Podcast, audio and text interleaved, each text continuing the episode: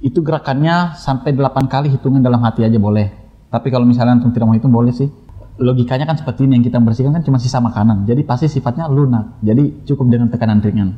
Karena gusi adalah salah satu jaringan pendukung gigi. Simpel sekali sih. Sebenarnya simpel sekali sih. Dan biasanya orang kaku karena kebiasaannya seperti ini.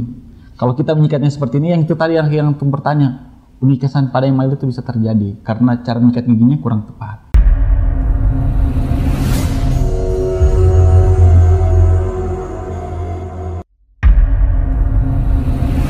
Nah, teman-teman sekalian, Akhi Fajar akan mempraktekkan kepada kita bagaimana cara menyikat gigi yang benar. Ya, silakan Akhi Fajar. Insyaallah. Pertama, misalnya ini sikat gigi kan, sikat gigi kita. Iya. Terus ini misalnya mulut kita ya.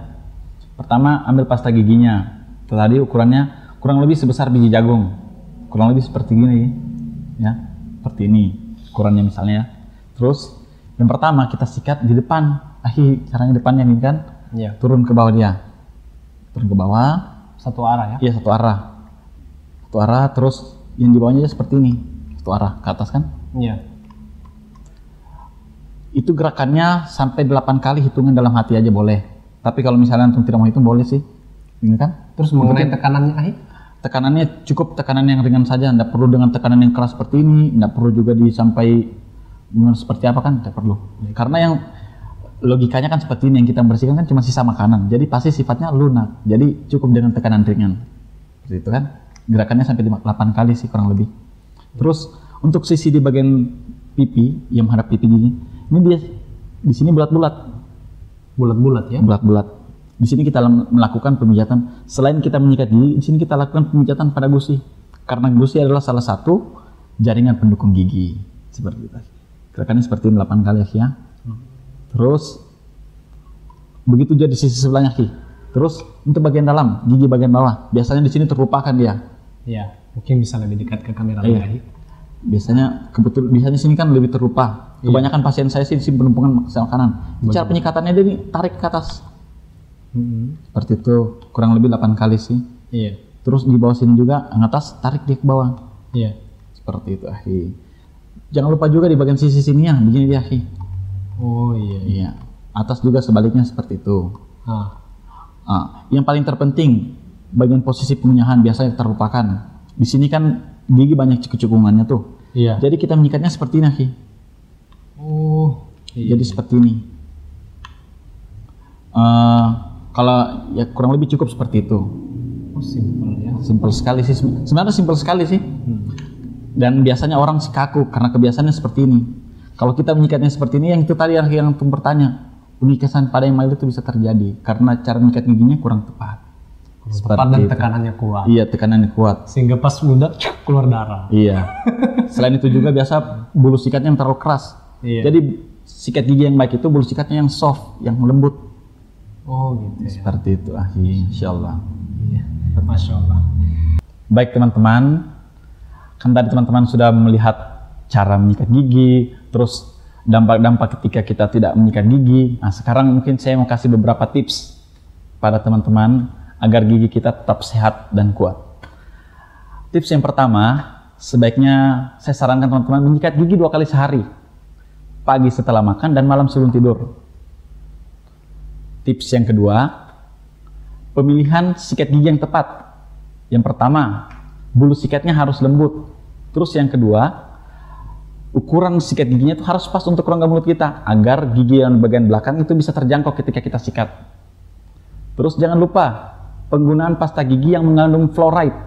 Mengapa? Karena kandungan dalam fluoride itu bisa membantu untuk mencegah gigi berlubang. Terus tips yang selanjutnya, teman-teman saya sarankan untuk membersihkan sela-sela gigi teman-teman dengan menggunakan dental floss atau benang gigi. Terus tips yang berikutnya biasanya ini terjadi pada remaja atau orang-orang tua lah biasanya. Biasa perokok, saya sarankan sebaiknya berhenti merokok agar giginya bisa sehat dan putih. Mengapa demikian? Karena kandungan pada rokok nikotinnya bisa mempengaruhi warna gigi dan biasa terbentuk yang namanya stain. Kemudian tips yang berikutnya, kalau bisa teman-teman batasi makan makanan yang mudah lengket dan minum-minum yang manis. Dan saya sarankan ketika teman-teman misalnya makan makanan yang manis atau yang mudah melengket, teman-teman sebaiknya berkumur atau minum air mineral. Terus tidak kalah pentingnya tips yang terakhir ini. Uh, saya sarankan kepada teman-teman sebaiknya minimal enam bulan sekali berkunjung ke tempat gigi. Mengapa saya sarankan demikian?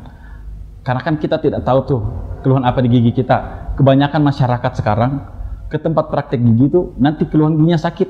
Padahal ketika giginya sakit, itu biasanya butuh penanganan yang lebih khusus dan pasti biayanya lebih tinggi. Beda ketika teman-teman datang dalam keadaan gigi belum keadaan sakit, itu biasanya penanganannya lebih mudah dan lebih singkat dan pasti biayanya akan lebih murah. Jadi jangan lupa teman-teman sebaiknya konsultasikan gigi Anda minimal 6 bulan sekali. Bagi Anda yang punya keluhan gigi atau ingin mengonsultasikan giginya, boleh mampir ke tempat kami di Klinik Gigi Excel Dentit Kendari. Bertempat di Jalan Profesor Dr. Abdul Rauf Tarimana, depan Aisyah Center, samping Kedai Dawen. Bagi teman-teman yang ingin konsultasi langsung, bisa melalui via WhatsApp. Nomornya 0858 2352 4370. Nah, demikianlah tips-tips merawat gigi dari narasumber kita, Akif Fajar. Semoga acara ini memberikan edukasi dan inspirasi kepada teman-teman yang menonton di rumah.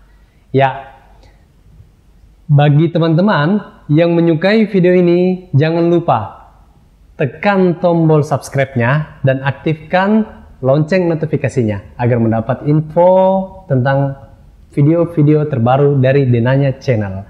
Jangan lupa juga like, share, dan komen. Assalamualaikum warahmatullahi wabarakatuh.